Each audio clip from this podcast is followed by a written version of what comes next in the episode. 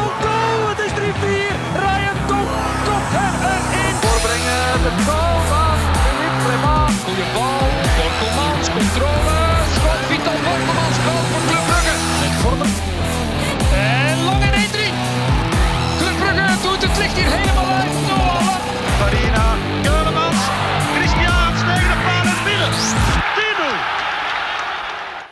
Dag beste luisteraars, welkom bij een nieuwe aflevering van De Klokken, een voetbalpodcast voor en door Club Brugge supporters.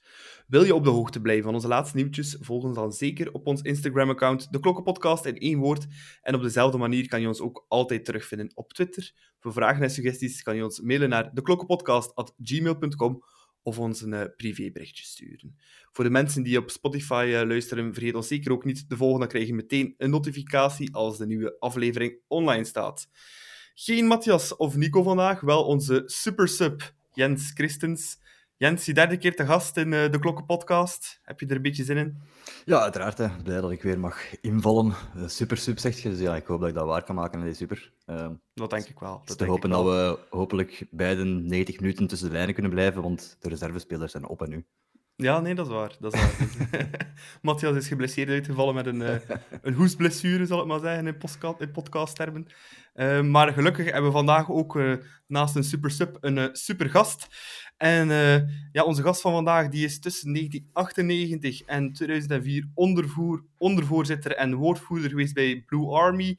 Van 2004 tot 2011 was hij ook redactieleider bij clubbrugge.be. En in 2011 ook eventjes een communication officer bij Club zelf. Eh, zelf was hij ook eenmalig stadionomroeper tijdens de, de Europese match tegen Lachti. En eh trainde hij één keer mee met de A-kernspelers op winterstage onder eh, Jackie Matthijssen. Hij heeft 40 jaar lang al een abonnement, heeft al 63 Europese aways meegemaakt. En hij is een verhoed groundhopper en fan van de Premier League. Welkom, Hans Noël. Wel, het is niet je podcast debuut, Hans. Nee, ik ben inderdaad eh, bedankt in elk geval eh, eerst en vooral voor de uitnodiging, heren. Ehm, en ik Heel heb een eerste podcast-ervaring achter de rug via de collega's van FCB Support. eh, en, en ja, dit is mijn tweede optreden. Bedankt voor de uitnodiging. Ja, en ook bij Kobe Ilsen was je al een keer te gast bij een podcast. Inderdaad, daarvoor ben ik naar Brussel in de studio van de VRT uitgenodigd geweest, klopt. Ja. Ja, is wel, heel eh, interessant van- om te luisteren trouwens. hè. Een van de eerste gasten waarbij dat Nicolas bijna geen adem meer heeft met de hele cv op te noemen eigenlijk. Het was eh, Ja, het is redelijk spectaculair. indrukwekkend. Alright, we gaan er eh, meteen in vliegen. Meteen naar eh, gisterenmiddag of avond. eh Club Brugge tegen KV Mechelen. Ehm, voor de match, Jens, was er eh, ja, de Ten Tanks fans actie aan het stadion met een podium en wat DJ's en een happy hour. Is dat iets dat eh, Jens kan smaken eh, voor Maar eh, ik was nu zelf maar een uur voor aftrap aan het stadion. Dus wa- wat eigenlijk al vroeger is dan meestal. Dus ik heb er wel proberen deels van te kunnen genieten. Maar ik merkte wel dat het sfeer er al aardig in zat en dat er toch wel heel veel gezinnen ook met kinderen aanwezig waren al. Dus iedereen was wel vroeg aanwezig. En ik denk dat wel dat dat een geslaagd moment is voor iedereen eigenlijk. Hè. Dat is Ja. voor ieders wat wil. Maar de happy hour heb je gemist waarschijnlijk. hè. Die heb ik gemist, ja. ja maar ja, bon, met de wagen, dus ik moet sowieso happy water doen. Hè. Ja, het was ook cola. Cola was ook maal twee, of water. eh. Eh, Hans, je bent voordien, voor de match, naar de Irish pub geweest op de Brug in Brugge. Eh had dat een speciale aanleiding, of eh, dacht je eens gezellig inpilsen eh, in het centrum van Brugge? Ja, dus de reden was dat ik uitgenodigd was door een gelijkgezinde blauw-zwarte ziel. Eh, en daar hebben we een beetje zitten brainstormen over eh, sfeerbeleving rond Club Brugge, omdat we toch met z'n allen vaststellen dat eh, de, de sfeer er niet bepaald op vooruit is gegaan. We hebben wel tegen PSG thuis en Antwerpen, om die twee wedstrijden te noemen, op sfeervlak een heel goede beurt gemaakt thuis. Maar ja, de aanleiding was om even van gedachten te wisselen met gelijkgestemde zielen. Hoe we de Jan Breidel eh, weer massaal tot leven kunnen wekken. Dus, eh, maar daarover misschien eh, later in deze podcast meer. Ja, ben heel benieuwd wat daaruit is gekomen. Want ja, het is inderdaad een eh, terechte opmerking die hij maakte. Dat de sfeer niet altijd meer zo super is. Zeker in de gewone competitiematches, zal ik dat maar zeggen. Maar zoals je zelf aanhaalde PSG en eh, Antwerpen was dat wel fenomenaal. Hè. Ehm, ja, dan de match zelf meteen. Eh, club, ja, die begon fantastisch, hè, Jens? Of toch zeer goed aan de match. Vooral een uh, Sargis Adamjan, een speler die het Brugs publiek wel kan smaken en uh, opzwepen met zijn uh, diepe loopacties. Ja, die kreeg er wel direct vuur in, hè? Ja, dat is toonbeeld van de No Sweat No Glory, hè. Sergis Adamjan. Het is ook, ah, gezegd, uh, enkel Adamjan, maar ik vond ook de symbiose met Lang was eigenlijk vanaf de aftrap al in orde. Dus ze, ah, ze, leken elkaar direct goed te vinden, de paasjes kwamen er goed door. Enkel Adamjan zijn vizier stond nog niet super scherp precies, want het aantal kansen mocht er toch wel eentje voor binnen gaan ook. Hè. Mm -hmm. Ja, Adamjan, Hans, ben jij van ervan? Initieel bij de aankondiging had ik mijn, mijn vraagtekens en mijn, mijn ja, twijfel. Maar ik moet zeggen dat hij uh, sedert zijn debuut uh, toch wel volledig mij heeft overtuigd. het is, zoals collega Jens aangeeft, iemand die er steeds voor gaat, de diepte opzoekt en die, die nooit aflaat. En ja, binnen die eerste, het eerste kwartier had hij vier kansen. Um, dus ja, de keuze voor Adamian en, en Lang gisteren uh, zeker door het gele gevaar achter de naam van Charles de Ketelaar, mm -hmm. vond ik wel een, uh, een strategisch goede zet van uh, Schreuder.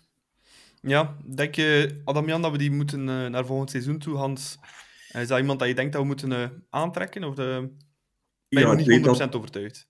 Ja, ik weet dat er een aankoopoptie van rond de 3 of 3,5 miljoen ja. daaraan gekoppeld is.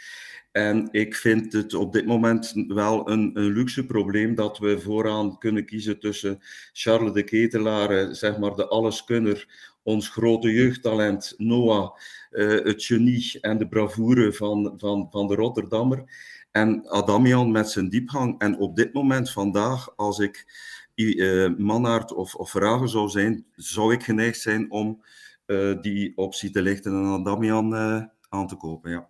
Ja, want allee, volgend jaar die keuze met Noah en Charles, dat lijkt me toch wel een beetje utopisch dat die alle twee blijven. Hè. Inderdaad, uh... naar de toekomst toe. Plus, ja, je hebt dan nog een Luis Openda bij Vitesse, die er toch ook al uh, een aantal heeft binnengeschoten. Weliswaar in de Nederlandse competitie. Uh, dus ik denk een type Adamian dat we die zeker naar volgend jaar toe, zeker als, als, als Bas ons verlaat, ehm, kunnen gebruiken. Ja. ja, dat denk ik ook wel. En het is ook een speler, ja, het Brugse publiek ziet dat graag zo in. Die uh, achter elke bal holt en uh, zich 100% smijt, want dat doet hij ook. Dat, ja. soms begint hem al te lopen terwijl hij weet dat hij me niet raakt. En toch blijven lopen. En dat is net hetgene ja. wat zo, ja, dat het knap maakt. Hè. Ja. ja. dan mag je nog zoveel kansen missen. Dan krijg je toch een staande ovatie als je gewisseld voilà. wordt uh, na 70 minuten. Dus, nu, kansen missen. Je moet ook zeggen dat. Uh, uh, hij creëert ze ook zelf. Hij, hij, creëert ze zelf, effectief. Maar uh, Koeken heeft daar een enorme handreflex in petto. Ook op de dertiende minuut, dat afstandsschot, dat, dat nipt naast gaat via de hand van Koeken. Ja. Hij dwingt het af. En ja, gisteren had hij de pech, ook deklat. Onderkant van de lat, na een actie van, van TJ. Hij dwingt het af en dat creëert naar het Brugs publiek toe, omdat hij er altijd vol voor gaat, enorm veel goodwill. En effectief op minuut 70 kreeg je dan ook een welverdiende applausvervanging. Mm. Gelukkig viel die 1-0 dat wel. Rits en vizier die stond wel goed, Jens. Wel oververdiend hij op dat moment, denk ik, voor club. Ja, inderdaad, gelijk, gelijk Hans zei, eigenlijk kon het toen al, al 2-0 geweest zijn, eigenlijk, minstens. met een beetje meer meeval. Dus ja, het is ook... Ai, vind het ook mooi dat het weer Maastricht is. Ik heb hem al een keer genomineerd voor de, de Cup, omwille van zijn meer aanvallende capaciteiten dit jaar. Ja, het, is, het is leuk dat het dan weer tentoon kan spreiden. Als hij mhm. ergens in de buurt van die 16 raakt, dan is het vaak wel meteen gevaarlijk. Uh, heeft zo die juiste, dat juiste inzicht en het juiste momentum van, van ja, er, erop uit te zijn. Hè. Ja, Hans, ik vind dat uh, Rits ook wel een beetje die rol van infiltrant in die 16 van Vormer toch wel overneemt van de afgelopen jaren. Hè. Helemaal. Dat heeft hij toch ook echt enorm in zijn spel. Hè. Klopt. En ook uh, die, die, het doelpunt gisteren was ook een beetje dat, uh, dat goed afhaken op die breedtepas van Hans. Hij voelt het aan en in de 16 is hij uh, toch wel een heel opportunistische speler geworden. Dus de, de, ontwikkeling die, die, die Mats heeft doorgemaakt, vind ik fantastisch. Dus ja, een heel um, waardevolle speler in het systeem van Schreuder. zeker mhm. weten, ja. Ja. Een uh, andere waardevolle speler van club, uh, die helaas uh, uitviel nog voor de rust, was ja, Danny Zodoy. een enkel blessure las ik. Ja, Jens, ehm, wat moeten we daarvan denken? Want allee, is toch één die ik er graag bij heb in de playoffs. Uh, ja, inderdaad. Ja, tijdens de match zelf dacht ik dat hem geraakt werd. Maar achteraf gelezen was het precies gewoon door de enkel gegaan. Hè? Dus dat het in een beweging was. Um, dat is vaak nog iets erger natuurlijk dan, hè? als het uh, ja, zonder contact is. Dus ik heb er ook nog niet echt een status van gelezen weet ook niet of jullie al iets weten ervan. Uh... Ja. Hans, heb je meer info? Of, uh... Voorlopig niks uh, opgevangen. Dus nee, maar zoals Jens aangeeft, hij ging door die enkel, hè, dus zonder contact. Dus dat oogt niet, niet goed. Maar ja, afwachten wat het medisch verdikt wordt. Ja, hopelijk ja, binnen twee weken start de playoffs kan hij er dan, dan al terug bij zijn. Maar als die enkel echt geraakt is of die ligamenten, dan uh, vrees ik dat het wel een keer uh, wat langer zou kunnen zijn. Uh. Maar bon, we hopen het beste voor uh, Denis Odoi. Um, tweede helft dan, die start. Um, Hans, ik vond dat eigenlijk, die, van minuut 45 tot 60, vond ik eigenlijk de minste periode van, van club in de wedstrijd. Het was een beetje de schwung eruit. De motor kwam moeilijker op gang, in het begin tweede helft. Het kan natuurlijk niet de hele wedstrijd vol gas zijn. Nee, klopt. In de eerste 45 minuten hebben we werkelijk niks weggegeven. Ik denk niet dat Mignolet eh, één bal heeft moeten pakken. Uh, en ze zijn effectief iets minder uh, dwingend uit de kleedkamer gekomen. Niet direct terend op die 1-0. Nu, net voor de pauze, zag iedereen een, een, een penalty-overtreding. Wij ook in de Bovenoord. Maar uit beelden bleek dan dat, dat Skof Olsen wel degelijk over zijn eigen voeten struikelde. Mhm. Dus uh, de geruststellende 2-0 had in feite uh, moeten vallen voor de rust. Uh, en ja, het was wat minder, maar toch had je heel die periode, zelfs toen het wat minder ging, het gevoel dat club de controle hield over de wedstrijd en wat we nooit in de problemen geraakten, omdat we gewoon niks weggeefden. Ja. dus ja. Het is ook vaak een moeilijk moment in een match. Uh, een beetje aanhaken aan wat de Hans straks zei, qua sfeer en zo. Hè. zo uh, vlak na de rust heb ik het gevoel dat het ook vaak een beetje stiller is in uh, de tribunekant. En zo, ja, dat opzwepende, dat mankeert dan voor de spelers ook weer ja, in schwung te steken. Hè. Ja, vaak moet er zo eerst iets aantrekken, hè. Ja, vaak moet er zo eerst iets gebeuren voordat dat terug iedereen in die match zit. Hè. Ja, ja, in zo'n tweede helft, dat was nu al niet direct het geval. Maar bon, uiteindelijk al wel die uh, ja, begin tweede helft ook al was het iets minder, wel goed doorgekomen. En uh, ja, dan komt uh, de ketelaren in. Ja, Jens, dat is toch direct... Je ziet direct die kwaliteitsinjectie die erbij komt. Hè. Ja, aan de bal... Het is jammer dat hij met die geelkoorts zat, hè. anders konden we dat 90 minuten lang genieten. Maar het is altijd ja. een, een, genot als hem erop komt. Hè. Ja, dat, ja, dat, dat, dat, brengt meteen iets speciaals, dat voelt je ook. Hè. Overal dat ja. hij loopt of waar hij de bal kan krijgen, ja, zich, zich, zich vrijmaken, uh, vrijkappen, wegdraaien. Ja, het is altijd uh, een genot voor te zien. Ja. Zie je hem nog blijven, eh, Hans, na dit seizoen? Met het oog op het WK, misschien nog een half jaar? Het is een moeilijke. Uh, ja, ideaal zou zijn mocht hij ergens tekenen en uh, dat hij uitgeleend blijft aan, aan club nog tot ja. uh, na Qatar. Dat zou misschien de beste optie zijn. Nu, het is een supertalent. Ik denk dat het na Kevin De Bruyne de next big thing in, in het Belgische voetbal wordt. Uh, omdat uh, hij en de benen en het hoofd mee heeft. Het is een geboren winnaar. Hij heeft skills die een andere op die 21-jarige leeftijd niet hebben. En zoals Jens zegt, het is echt uh, een droom om die samen met Noah, in feite moeten we die twee, zolang die de blauw-zwarte kleuren dragen, koesteren. Want dit is fenomenaal wat, wat Club Brugge in aanvallend opzicht tussen de lijnen kan brengen. Mm -hmm. Ja, en als je de bank kijkt, dan is het helemaal spectaculair aan het worden bij momenten. Eh.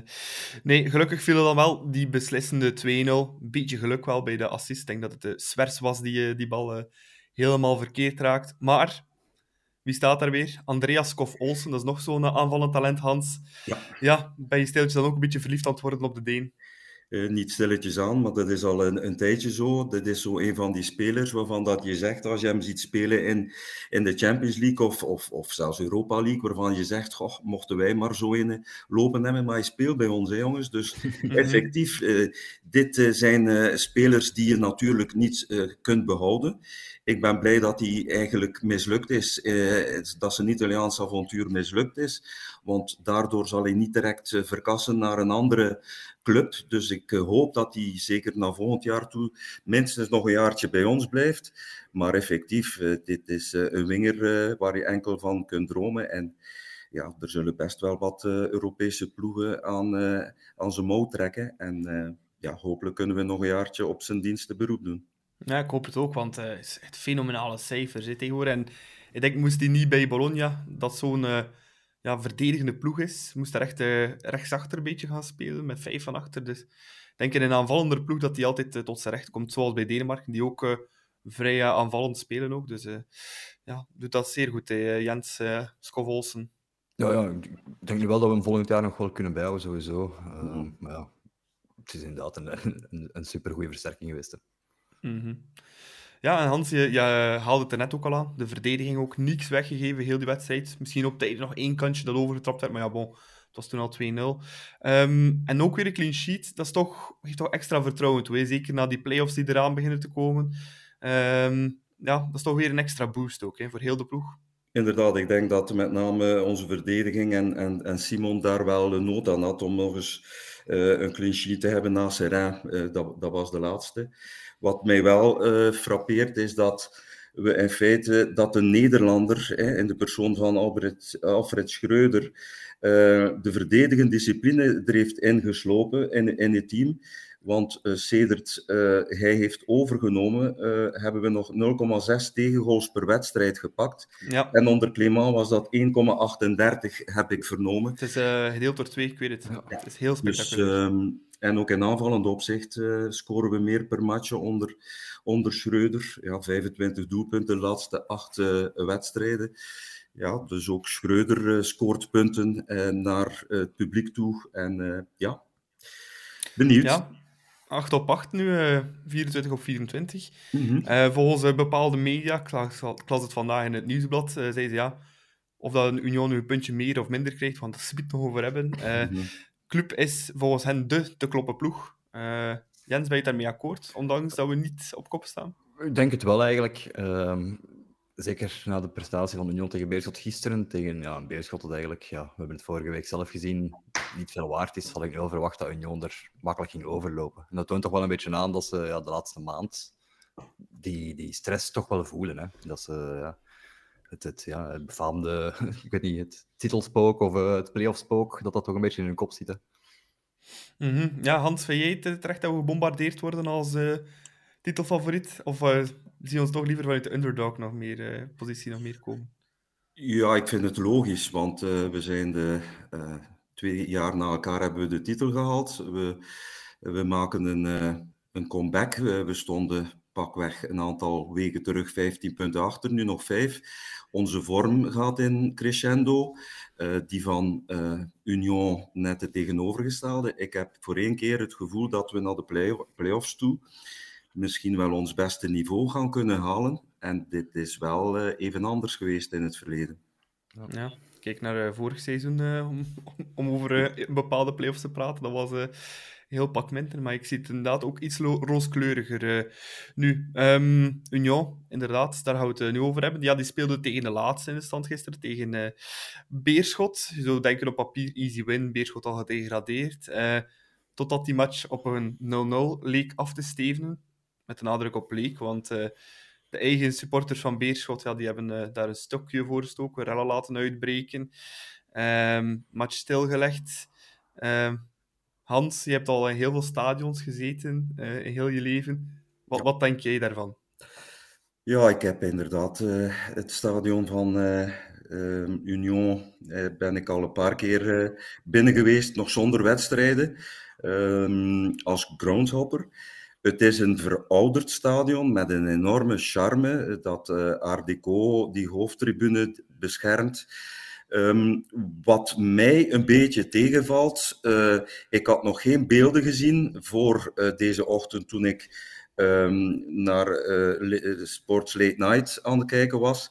Ik had een invasie van Beerschot supporters verwacht, maar het ging bij nader inzicht om, om een handvol supporters. Ja, een dertigtal als ik in de krant Ja, dus eh, als je als politie er nog niet in slaagt om, om, om die kleine bende in hareel te houden. Ik denk in Engeland zouden ze nogal eh, lachen met ons mochten ze die beelden zien. Uh, nu, ik was niet in het stadion, maar op, ba op basis van wat ik gezien heb, uh, leek mij de aanleiding en en, en moest, moest het toch op een andere manier, denk ik, kunnen worden opgelost. Nu goed, we zullen wel zien wat er naast het veld beslist wordt rond Union Beerschot. Ja. Ja, Jens, wat ik me dan ook wel afvraag is. Ehm, als je kijkt naar de wedstrijdorganisatie van uh, Union en de politie en de samenwerking daarmee, ja, vind je dan ook niet dat ze daar wat uh, schuld in treffen, uh, Union? In heel het gebeuren, los, los van ja, de idioterij van de Beerschot-supporters dan? Gelijk als Hans zei, als inderdaad met een man of dertig is of zo, dan is dat misschien, ja, ook, ook misschien slecht gecommuniceerd door de veiligheidsdiensten van Union naar de politiediensten van, van Brussel. Of, of ja, ik weet ook niet goed wat er is misgelopen. Maar als inderdaad zo weinig mensen zijn, dan lijkt me duidelijk dat er iets misgelopen is. En voor mij is een eerste verklaring dat ik daarin zoek dan ja, het verschil tussen politiezones. De politiezone Antwerpen heeft al laten zien tijdens het matchen van Antwerpen dat ze hun matrakken duchtig durven gebruiken. De politiezone Brussel heeft daar misschien uh, voor de matchen van Union minder ervaring mee. Ja, het soort mensen dat er staat, verwacht misschien die rellen ook niet. Ja, want Hans, allez, je bent er net al een paar keer gehad, je bent groundhopper. Uh, ik kan me voorstellen dat je misschien ook wel een keer uh, rellen in een voetbalstadion hebt meegemaakt. Uh, in lang carrière heb je ooit al een keer een match meegemaakt dat je dacht van, dacht van ja, dit waren meer rellen en die match is dan uiteindelijk wel doorgegaan. Ik heb Ajax Den Haag ooit meegemaakt, gestaakt aan de rust bij een 0-2 voorsprong voor Ajax in het oude Haagse stadion in Midden-Noord. Um, ik heb ook in Engeland een aantal wedstrijden, met name Arsenal-Chelsea op een 1 januari. Een early morning kick-off, waar het echt heel hevig aan toe ging tussen de twee supportersclans. Maar daar werd heel wat repressiever op gereageerd door de Londense politie. En die match is dan kunnen doorgaan, maar mocht dit zich gisteren hebben afgespeeld in Union, denk ik dat dat uh, iets anders zou geweest zijn. Dus ja, ik heb al veel erger meegemaakt. En, uh, ja, dus, uh, en, en waar de ordendiensten het toch nog onder controle kregen en waar de wedstrijd ja. toch kon worden uitgespeeld. Ja. Ik heb zelf ook één keer rellen meegemaakt in een voetbalstadion. En het was toevallig ook tegen Beerschot. Het was de bekerfinale 2005 in, het, in het Koning Boudewijnstadion. maar ik was toen een jaar of acht, negen. En dat was toen, ja, ik weet dat ze met stoelen en zo naar elkaar aan het smeten waren. En toen dat denk ik ook de aftrap een klein beetje verlaten. Maar de match is wel doorgegaan.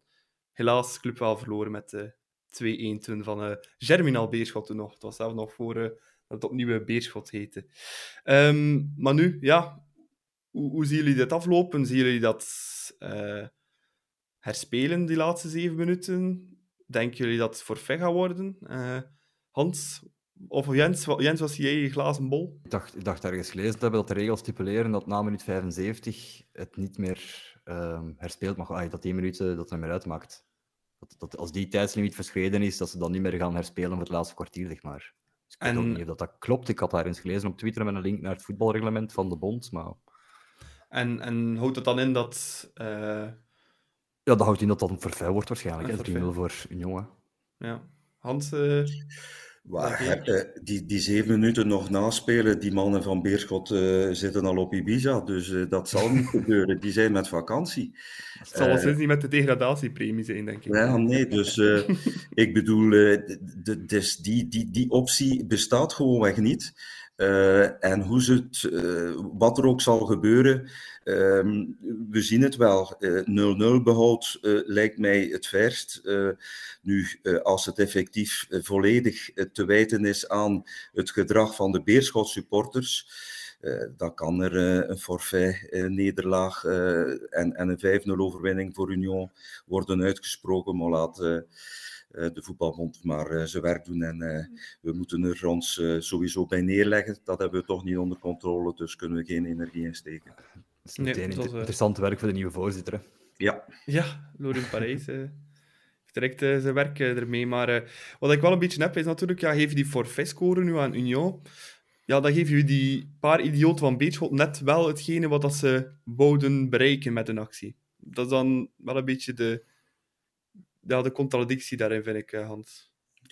Ja, klopt. Um, maar goed, uh, ik herinner mij, uh, wat was de standaard Charleroi, toen de beide partijen in feite in gebreken werden gesteld, omdat er de rellen uitbraken dan zowel Charleroi als standaard zeiden. En dan was de uitspraak om de beide partijen nul punten toe te kennen. eh, als, eh, als het maar vanuit Beerschotkant kwam, kan die regel niet worden toegepast. Ehm, ja, en dan geef je effectief bij een 5-0 overwinning voor Union, geef je die railschoppers uh, van, van, van Beerschot nog meer een, een platform. En ja, Mhm. het is, winnaars zijn er niet in, in dit geval, dus jammer. Nee, jammer voor het Belgische Belgisch voetbal, voetbal, toekoor, denk opnieuw. ik. eh. Ja. Helaas. Nu, ehm, er waren- ook nog heel wat andere matchen eh, op hetzelfde moment als de wedstrijd Club KV Mechelen. Eh Anderlecht speelde bij KV Kortrijk en eh, Agent nog thuis tegen eh OHA Leuven voor dat laatste ticket. Eh, uiteindelijk zijn het de mauve uit Brussel geworden, Jens. Ehm, ben je ja, blij dat ze erbij zijn of had je liever aan Agent gehad? eh? Het is altijd een zure vraag, hè. Ben ik blij of de move ergens bij zijn? Ja. Nee, maar ja, een beetje pest en cholera verhaal. Hè. Ja, ja. Ik, zou, ja, ik, ik zou zeggen van wel, omdat tegen Gent het dit jaar ja, gewoon echt niet goed liep voor Brugge. Hè. We hebben één keer kunnen winnen en dat was dan ja, met tien man, wat ook niet volledig verdiend was toen in de beker, de eerste match. Eh, dus ik weet niet, ja. Ik zou toch zeggen liever tegen Anderlecht dan eigenlijk dit jaar. Ja, Hans? Ja, het is kiezen tussen, zoals Jan heeft, Nicolas, tussen de cholera en de pest. Eh, initieel had ik het liefst gehad dat eh, Brussel eruit lag, omdat ik ze gewoon vanwege de eeuwige rivaliteit eh, en historisch gezien gun ik ze niks.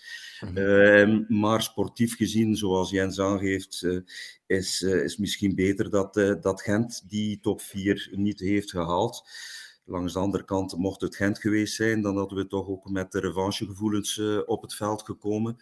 Ehm, tja, en de Mauve, die zullen toch wel een eergevoel hebben als ze op Union moeten starten. Dus ja, het is... eh, ja, ik weet het eigenlijk niet. Eh, het zal blijken eh, op 22 mei of het goed was om, om, Mauve, om de Mauve erbij te hebben in play-off 1. Ja. ja, ik ben op zich vind ik niet zo heel erg, want we hebben nog niet kunnen winnen van Anderlecht dit seizoen. En nu krijgen we toch weer twee kansen voor ze toch nog een keer te kloppen dit jaar, wat ook wel leuk is, natuurlijk. Ehm, wat ik wel belangrijk vind, dat is een beetje mijn stelling erover. Mij kon het eigenlijk niet heel veel schelen wie de play-offs haalde, maar voor mij is het belangrijkste is dat de bekerfinale, of de bekerwinnaar, beter gezegd, niet in die play-off 1 zit. Dat is voor mij eh, zeer belangrijk. Dus ik hoop eigenlijk dat Gent de beker wint, om de Ja. simpele reden dat ehm, ja, het ticket van de bekerwinnaar is sowieso al beter dan het ticket van de derde plaats.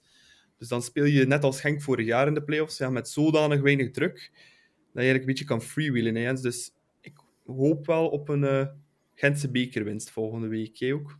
Ja, ehm, dat ben ik mee akkoord. Net omwille van die redenering en die logica, ik denk dat dat volledig klopt.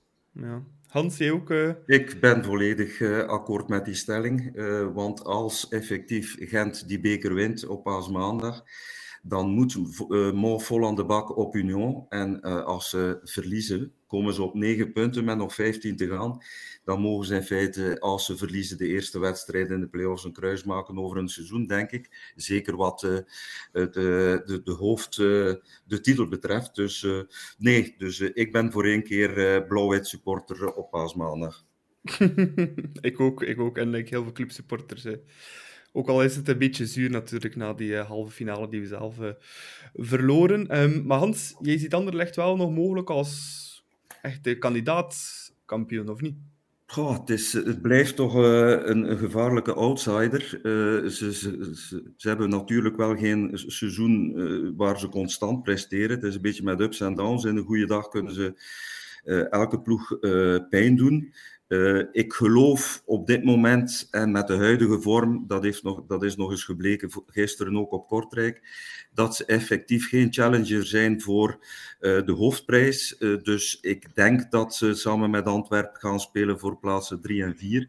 En dat Union en Club zullen uitmaken wie, wie de titel haalt en wie runner-up wordt. Ja, ik volg je daar eigenlijk volledig in, Hans. Jens, jij ook? Of zie toch nog Antwerp als uh, of Anderlecht? Als nee, ik zei club kampioen worden, Union tweede, uh, Anderlecht derde en Antwerp vierde. Ja, oké, okay, wat was eigenlijk mijn, uh, mijn volgende vraag? Playoff spelen uh, eigenlijk, ja. Nu heb ik jouw pronostiek al, Jens, maar die van Hans nog niet. Dus uh, op 22 mei, hoe zal de stand eruit zien? Niet qua punten, maar qua ploegen? Wie, wie op 1, 2, 3 en 4? Ja, ik, het belangrijkste voor mij is dat we die hattrick van titels kunnen halen. Uh, dus, mooi uh, en wie er dan tweede en derde en vierde is, uh, dat kan mij op dit moment worst wezen. natuurlijk, als ik het dan toch mag invullen, dan hoop ik Union op twee, omwille van het parcours dat ze hebben afgelegd ja. doorheen het jaar. En wat Antwerpen en, en Moof dan op drie of vier, dat, dat maakt mij niet uit. Ja, ik volg je daar ook in. Uh. Maar ik denk ook dat het effectief zo zal zijn. Club op 1, Union op 2. En uh, nou, ik zou zeggen, Anderlecht misschien toch nog derde. En Antwerp zie ik het wel helemaal uh, laten schieten in deze play-offs. Ik, ik, zie ze echt heel slechte play-offs spelen in Antwerpen. Ja, maar ze spelen eigenlijk al... Ze overperformen al een heel jaar. Hè. Um, als je kijkt naar expected goals, bijna elke match hebben ze minder dan tegenstander. Zelfs nu tegen tegen Cercle hadden ze ook eh, minder expected goals thuis. Tegen een ploeg die eigenlijk voor niks meer speelde. Dus um, ik verwacht er zeer weinig van. En ik verwacht ook niet dat Prisken uh, volgend jaar nog coach is uh, op de. Uh. Dus ja, ik denk dat zij wel misschien een beetje het anderlecht van vorig jaar gaan worden. Misschien, misschien wel de ploeg die geen enkele match wint. Misschien Philippe Clement volgend jaar de Bosuilen, maar dat, dat, durven we, dat durven we niet denken. Ja, ik heb daar ook al hard over nagedacht. maar ik zie dat eventueel gebeuren. Hans, ik denk dat je blauw-zwart hart ook bloedt, moest dat effectief gebeuren. Hè? Ik denk eerder dat een Blessings wel zou kunnen terugkeren. Dus, uh, ah, dat kan ook. Dat ja, kan ook. Dus uh, ik denk dat... niet. Nu goed, ja, het is ook een, een mogelijkheid hè, dat het filler wordt, maar dat zou mij pijn doen, uh, effectief. Ja, ja. ik denk veel clubs anders. Ja, mij ook. want al ja, toch altijd een heel succesvolle coach is bij ons. daarnet is ook de kalender bekendgemaakt voor die playoffs. Uh, ik zal het een keer kort overlopen. Openen thuis tegen uh, Antwerp. Dan uh, gaan we naar het uh, Astridpark op speeldag 2 op Anderlecht. Dus. Dan opnieuw naar Brussel op verplaatsing naar Union. Dan thuis tegen Union. Dan op de Bosuil. En dan thuis tegen Anderlecht. Hans, als je een match mag uitkiezen om kampioen te worden, waar kies je? Hm. Eigenlijk om uh, mijn zielenrust uh, 11 mei thuis tegen Union. Want dat zou betekenen dat we in die eerste drie wedstrijden uh, toch die achterstand hebben ingehaald en dat Union onderweg wat punten heeft verloren en dat wij de play-offs spelen waar we allemaal van dromen. Maar gezien de play-offs elk jaar een rollercoaster aan emoties zijn, met de ene week voel je je in de hemel, de andere week in de hel vrees ik dat we tot de laatste speeldag zullen moeten wachten uh, voor de klassieker tegen Mof thuis. Uh, maar ik hoop dat het op speeldag 4 uh, eh, eventueel zou kunnen gebeuren. Als ik mag me een wens uitspreken, dan graag in de midweek 20 uur 30, woensdag 11 mei. Oei. dan pak ik donderdag congé, denk ik. Ja, ik nog. Jens, waar zie jij te gebeuren? Maar ja, de beste herinneringen zijn uh, de kampioenschapstitel Club Anderlecht van uh, 2015, denk ik. Hè? Dus uh, 2015, 16, 16 ja. En 2005 dus, ook, hè, natuurlijk. Daar was ik ja, ook bij als klein manneke. Was, was ik niet bij als abonnee, dus... dus voor mij mag het allemaal opnieuw zijn, natuurlijk, met een kolkende sfeer. mooie zon, weer happy hour, laat maar komen twee jaar op rij kampioen tegen Anderlecht. Zo fantastisch Ook, maar ik zou de voorlaatste speeldag op de Bosuil voor het gezicht van Paul Heijsens, dat zou ik ook wel uh, fenomenaal vinden, eerlijk gezegd. Uh, op de Bosuil kampioen spelen. Ja. ik denk dat er wel genoeg politie moet aanwezig zijn dan, want uh, dat zou het ook wel een keer heel heet kunnen worden. Hopelijk kunnen we dan wel de 90 minuten uitspelen. Maar ik ben op zich wel blij, Hand, met de kalender. Ik vind het... Allee, thuis ook mogen openen. Ik vind het toch wel belangrijk dat je goed kan starten van die play-offs. Dat is toch cruciaal, vind ik. Ook, en bij Antwerpen uh, zal dan Burger Verstraten die spelen vanwege gele schorsing. Dat is ook ah, nog kijk, is... Uh, iets uh, positiefs. En effectief, als je kunt starten als challenger met drie uur voor Union en je kunt thuis die match winnend afsluiten, dan zet je direct al de druk op die wedstrijd Union-Mauve. En Union is niet gewoon om uh, met druk om te gaan. En ja, laat ons hopen dat onze ervaring en métier uh, op Europees vlak, en we spelen toch ieder, ieder jaar voor de prijzen, dat die op termijn uh, de doorslag zal geven in die titelstrijd. Ja. Mm -hmm. En natuurlijk ja. het niveau van de voetbal wat club nu op de mat legt ten opzichte van wat Union doet. Zeker. Nee, oké. Voilà, genoeg palaver denk ik over eh, Club KV Mechelen, de play-offs, Union, Beerschot en andere soortgenoten. Eh, we gaan over naar het volgende deeltje van onze podcast. We hebben eh, ja, iets totaal anders een keer gedaan. We hebben de afgelopen week een eh, spelletje gelanceerd eh, op eh, Twitter en op Instagram. We hebben heel wat eh, inzendingen binnengekregen, ik denk een stuk of 50 in totaal. Ehm, het spelletje noemde De Klokken 11 en de bedoeling was dat eh, iedereen eh, die wou meedoen een elftal maakte van 11 ex-clubspelers. eh, die speelden bij club tussen 2000 en 2022. Maar er was één moeilijkheid. ehm, je mocht elke nationaliteit maar eh, één keer gebruiken. Dus eh, dat zorgde wel voor heel wat moeilijke keuzes. Maar we hebben ook heel wat leuke inzendingen gekregen. Ik stel voor, zowel Hans, Jens als mezelf hebben ook een teampje eh, samengesteld. En ehm, ik denk dat we positie per positie een keer gaan overlopen en kijken welke leuke en grappige inzendingen eh, we hier hebben gekregen. Ehm nou, beginnen doen we helemaal van achteraan. We spelen een 4-3-3 trouwens. Ehm, met, eh, ja, met wie gaan we daar spelen? Ik heb eh, een Australische doelman eh, daar staan. Eh, zijn er nog onder jullie die eh ene Matty Ryan daar gezet hebben? Ik denk dat de meesten van ons met Ryan er gezet hebben. Ja, ik ook. Ja, ja, dus zijn, eh, zijn bijdrage aan die eh, bekerzege eh, met de Rafa-goal, eh, ja, dat is toch historisch. Dus dat is echt het kantelmoment in de, de recente geschiedenis van Club Brugge. Eh, ook zijn prestatie Europees op Torino herinnert mij, die 0-0. wa- ja, volg. Dus, eh, dat En op standaard met zijn hoofd daar, eh, die redding. Ja, dus, wel. en die paste volledig bij ons. die, Ja, ja, ja. de liefde was wederzijds en ik volg hem nog altijd. Dus ook voor mij de Australische Matthew Ryan in doel. Ja. Ja. Ik denk van de 50 inzendingen dat, we, dat er maar een paar mensen die hem niet hebben. Heeft één iemand de Boutina erin staan. Butel zie ik hier ook nog passeren. Kujovic, Ja, ook Kujovic, een ja. legende. En dan één, maar dat was al een heel grappige inzending. Ik zal die straks hebben, die heeft Gabulov eh, erin staan. Ehm, maar dat is eentje van eh, Gilles Thibault. Eh, ik zal straks een keer heel de opstelling zijn. Het is een beetje om mee te lachen, maar het is wel een redelijk grappige opstelling dat hij heeft samengesteld. Ehm, rechtsachter. Ehm, dat is voor mij ook een obvious naam. En denk bijna voor iedereen dezelfde naam.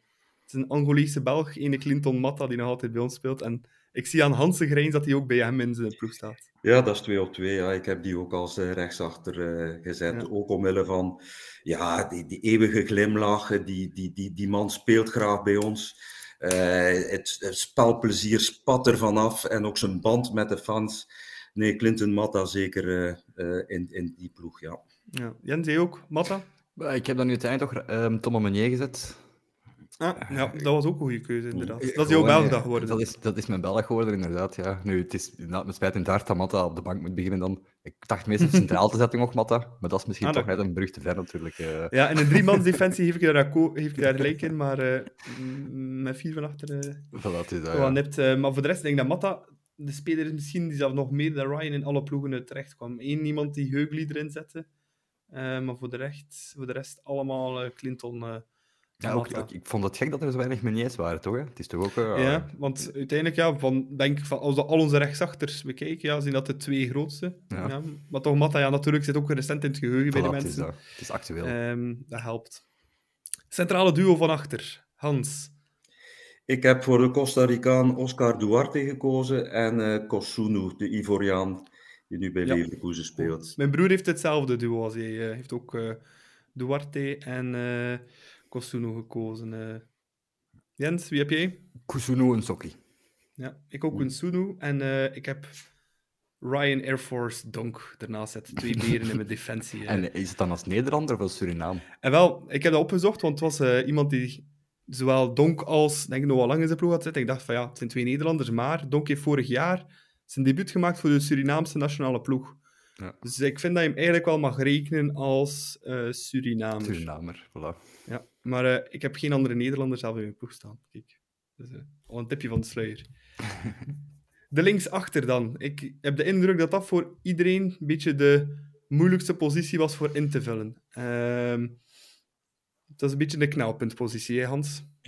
Klopt, daar heb ik toch voor een Nederlander gekozen, eh, Nicolas. Ik heb eh Denswil eh, daar staan. Ah ja, Omwille van zijn, ja, zijn, zijn twee passages bij ons. De, de laatste was wel wat minder. Maar ik vind als linksachter uh, Denswil met zijn creativiteit en, en, en, en zijn lef. Uh, het was toch een, lef, een lefgozer. Ook, lag ook heel goed bij de clubfans. Dus vandaar Denswil op ja. linksback. Ja. Nee, inderdaad, kon dat zeker ook belopen op die linkerkant. Zeker in zijn eerste periode heeft hij ook regelmatig gespeeld voor club. Jens, wie heb jij op linksachter? Michael Vladislav Klukowski. Ja, ik ook Klukowski. Dat is een beetje jeugdsentiment van mij, was een beetje zo. Ja, ik denk hetzelfde leeft als ongeveer, dus ik denk dat dat hetzelfde sentiment is. Ja, dat, dat was zo'n beetje wel mijn speler van ja, mijn eerste kampioenenproef dat ik heb weten spelen met club. Uh, was wel geblesseerd uit, want ik denk dat uh, toen Peter van der Heijden ook nog... Ah nee, toen uh, Peter van der Heijden vervangen de rest van het seizoen. En nadien in de ploeg gekomen. had ook een goed schot, wel heel weinig gescoord voor club Klukowski. En nadien ook niet zo heel veel meer aan de bak gekomen, nee. dus... Maar ik vond hem toch noemenswaardig. Uh, Stenman zie ik ook vaak terugkomen bij uh, andere uh, clubsupporters. Natuurlijk, ja, ik vond dat wel een heel goede speler, maar Hans ja, die was al heel vaak geblesseerd. Hè. Of ja, heeft hij een heel zware blessure keer opgelopen met club. Ja, en het ja um, is een beetje een plastieke speler. Hè. Dus uh, ja. hij, hij, had wel effectief het DNA uh, voor, voor uh, club, maar als Scandinavië is hij toch veel te vaak geblesseerd geraakt. En waardoor hij eigenlijk uh, ja, niet echt uh, voor mij een plaats verdient in die, uh, in die elf. Nee. Ook een paar die ik Sobbel hier zie opschreven. Ja, ik zou dat nu niet per se als mijn nummer 1 zetten. Maar... Dat zal, okay, het... dat zal mijn collega Tom geweest zijn, je weet. Dat is de voorzitter van de Sobol fanclub. is dat? um, op het middenveld, uh, ja, daar kon je drie namen voor kiezen. In de 4-3-3 uiteraard. Uh, Hans, welke drie zijn het geworden bij jou? Op het middenveld heb ik uh, mijn enige Belg, want dat was de restrictie, uh, geplaatst. Namelijk uh, Hans van Aken. vier titels, twee gouden schoenen. De motor en de verpersoonlijking in feite van de heropstanding van Club Brugge en de dominantie van de laatste jaren. Dus ik heb getwijfeld tussen Charles vooraan en, en Hans in het middenveld. Maar gezien zijn waarde voor de, het palmares van Club Brugge heb ik er toch Hans geplaatst. Uh, voor hem uh, een speler uh, die mij, die veel clubfans naar het stadion zoog, namelijk Vasquez. Ik vond dit ja. een, een echt een, een, een genie. Een, je, je, je kon nooit voorspellen wat hij in zijn voeten had. remember dat die doelpunten daar in, in, Brussel. En ja, als verdedigende middenvelder toch Nakamba, Zimbabwe die nu toch bij Villa uh, meestal toch uh, de eerste elftal haalt. Ook al is die op een uh, vreemde en wat negatieve manier bij ons weggegaan. Een beetje druk gezet op, op zijn transfer. ja, ik heb dan toch het drietal Hans van Aken, Nakamba erachter en Vasquez ervoor. ja, daarvoor. Mooie, mooie combo. Ik denk dat het ook de meest voorkomende combo is van de drie middenvelders. Um, ik zelf heb um, ja, uh, één dezelfde naam als Johans. Uh, dat is ook Victor Vasquez. Maar voor de rest hebben we gekozen voor een andere Belg. Uh, ja, omdat er maar één is. There's only one Timmy Simons. ook nog zo'n jeugdheld van mij. En nog een andere ook van diezelfde periode heb ik ook op het veld staan. Dat is Nastja Che. de, de vrijtrappen specialist. En ja, dat was helemaal mijn jeugdidool. Simons en Che, dat waren voor mij ja, de toppers toen ik als klein manneke naar het stadion ging vanaf fenomenale spelers. Dus zeker Simon, dus de eerste periode was weergaloos. Op de zes scoorde zelf veel. Dus uh, vandaar uh, Che, Vasquez en daarachter Simons als zes. En aanvoerder van mijn team ook trouwens, uh, Timmy Simons. Jens, jouw trio op het middenveld. Ik heb een co combinatie van jullie twee eigenlijk. Ja. Dat is Che, Nakamba en Vasquez. Ah, wat? Dat is wel toevallig, inderdaad. enkele andere namen die ik hier nog zie passeren. Refailov komt toch ook redelijk vaak terug. Ruud Vormer zie ik te staan. Ja, Refailov, ik kan begrijpen dat mensen hem ertussen zetten, maar om zijn transfernaam of ja, vind ik het toch heel moeilijk om die naam daar al tussen te plaatsen. Uh... En heeft niemand er geen Allen Stoika tussen gezet of zo? Nee, Stoika zie je net. Nee, nee, Stoika Claudimir zie ik wel ergens passeren met iemand, ook een vriende naam. Uh... Ja, en dan van het troll-account van uh, Gilles de die heeft uh, Gato Silva, Marc-André Kruska en uh, Rotario op zijn middenveld. de, de meest succesvolle van de alle clubspelers. Alright, dan gaan we helemaal naar van voor. De drie aanvallers, twee flankspelers, één spits. Jens, wie heb je er gezet? Ja, uh, Perisic, Bakka en dan toch de Nederlander Danjuma. Omdat hij nu echt wel... Uh, dus heel hoog toppen aan het scheren. Voilà, inderdaad. als je kijkt naar de match tegen Bayern bijvoorbeeld, waar dat hij zeer aanwezig was. Hè. Dus het is toch plezant dat hij ook bij Brugge gepasseerd is. Ik vind dat een beetje een type Bailey-achtige carrière dat hij maakt. Alleen dan met wel de juiste entourage. Dus niet de, de, slechte entourage dat Bailey heeft, maar de juiste entourage eigenlijk. Mm Hans, welke drie heb jij er staan? Twee van de drie lopen gelijk met Jens, namelijk Perisic en Bakka. En ik heb op rechts uh, Diatta, uh, het Senegalese ah. Diatta gekozen, wat, die, die toch ook wel iets speciaals had. Maar ik kan de keuze voor Danjuma wel begrijpen, want ook voor het Nederlands elftal denk ik wel dat hij naar Qatar toe uh, iets kan betekenen. Ja, uh, ik heb ook voor de Senegalese gekozen, maar niet voor Diatta. Ik heb gekozen voor uh, een Kalilou Fadiga als trio, samen met Perisic en Bakka in de spits. Dus ja, ik vond ook een weergaloze voetballer. Het was ook een van de eerste truitjes dat ik had. truitje van Senegal met Fadiga van achterop. Ik heb ook een truitje van Club met Fadiga erop dat ik uh, recent op de kop heb kunnen tikken. Dus uh, ja, echt een legendarische voetballer. Ongelooflijk ballen. Uh, niet normaal. Dus vandaar mijn drie. Maar ook Bakka en Perisic zijn denk ik de namen die het meeste voorkomen. Wat ook vaak voorkomt is Andres Mendoza. Ehm, daar heb ik ook misschien een beetje over twijfel. Maar die vond ik dan net iets te wispelturig vaak voor hem toch vast in mijn basiself te zetten. En van huidige spelers zie ik ook heel vaak Andreas uh, Skof Olsen nog terugkomen. Veel mensen vinden hem al fantastisch genoeg voor hem ertussen te zetten. Ik vind dat een beetje vroeg. Maar ook Rune Lange komt er heel vaak voor, terug in de, elf van veel spelers. Um, uh, ja, dat zijn zo'n beetje de meest voorkomende. Ook Wesley een paar keer. Um, en het Troll-account heeft ook weer voor drie fantastische namen gezorgd. Uh, namelijk uh, Valreis Sabala, Leandro Pereira en Strandberg. een super combo van voor. Die heeft wel uh, zijn best gedaan voor de leuke. En zijn verdedigers die we trouwens nog niet opgenoemd waren uh, Evans, De Carli, Cucera en uh, Tomijak. Even grote, fantastische voetballers. Voilà, dus ik zou zeggen aan iedereen die mee heeft gedaan aan de klok 11, het was heel plezant voor te doen, maar misschien wel nog een keer iets gelijkaardigs doen dit seizoen of volgend seizoen. bedankt voor de inzendingen op Twitter, de Facebook van FCB-Tube en op stap nummer 3 uiteraard het forum van Club Brugge. voor de massale inschrijving kijkt er een ja, een kleine 60 zelfs in totaal. Dus bedankt daarvoor voor mee te spelen. Bon, genoeg gespeeld, genoeg spelletjes voor vandaag. We zullen de lolploeg nog op Instagram zetten ook, hè? Ja, ja, ja, we zullen de lolploeg en misschien ook wel de ploeg met de meest voorkomende namen uh, nog een keer op Instagram posten. Um, genoeg spelletjes gespeeld vandaag. Het is ons tijd voor ons meer te gaan verdiepen in onze gast van vandaag. En dat is nog steeds Hans Noël. Uh, Hans, ik ga beginnen met de eerste vraag te stellen die ik altijd stel aan als er hier een clubsupporter te gast is bij ons in de podcast. En dat is, hoe is bij jou de blauw-zwarte microbe overgekomen? Waar is het allemaal begonnen als clubsupporter voor jou? Ja, ik ben afkomstig van Langemark, op 9 kilometer van Ieper. Ja, historisch een blauw-zwart bastion. Ik denk dat in, in de lagere school iedereen wel voor blauw-zwart was. En mijn vader was bakker en die, ehm, toen ik heel klein was, mochten we twee keer naar Brugge naar het voetbal, clubcirkel en cirkelclub. En aan de blauw-zwarte kant was er altijd veel leven en ik vond het nogal saai aan die groene kant. En ja, uh, de twee gecombineerd, ja, club was gewoon, die microbe had ik direct te pakken en van, van kindsbeen af was club mijn club. En dat zal het altijd blijven tot in mijn kist, ja ik, heb, uh, begrepen dat je al 40 jaar ondertussen een abonnement hebt. Ja, ik ben, zolang ik mij kan herinneren, um, heb ik stevast alle thuiswedstrijden van club uh, proberen uh, te volgen. En, en, en ja, jaren... Voorkeur, het is een voorkeur van generatie? Ja, ik ben een product van de Happel-generatie. Ik zat uh, toen ik 12 was in uh, 1978 in de zetel uh, met een open mond te kijken hoe club op Wembley Liverpool partij gaat. Um, dan is de Howard-generatie gekomen, zeg maar tien jaar later, met, en Broos ook.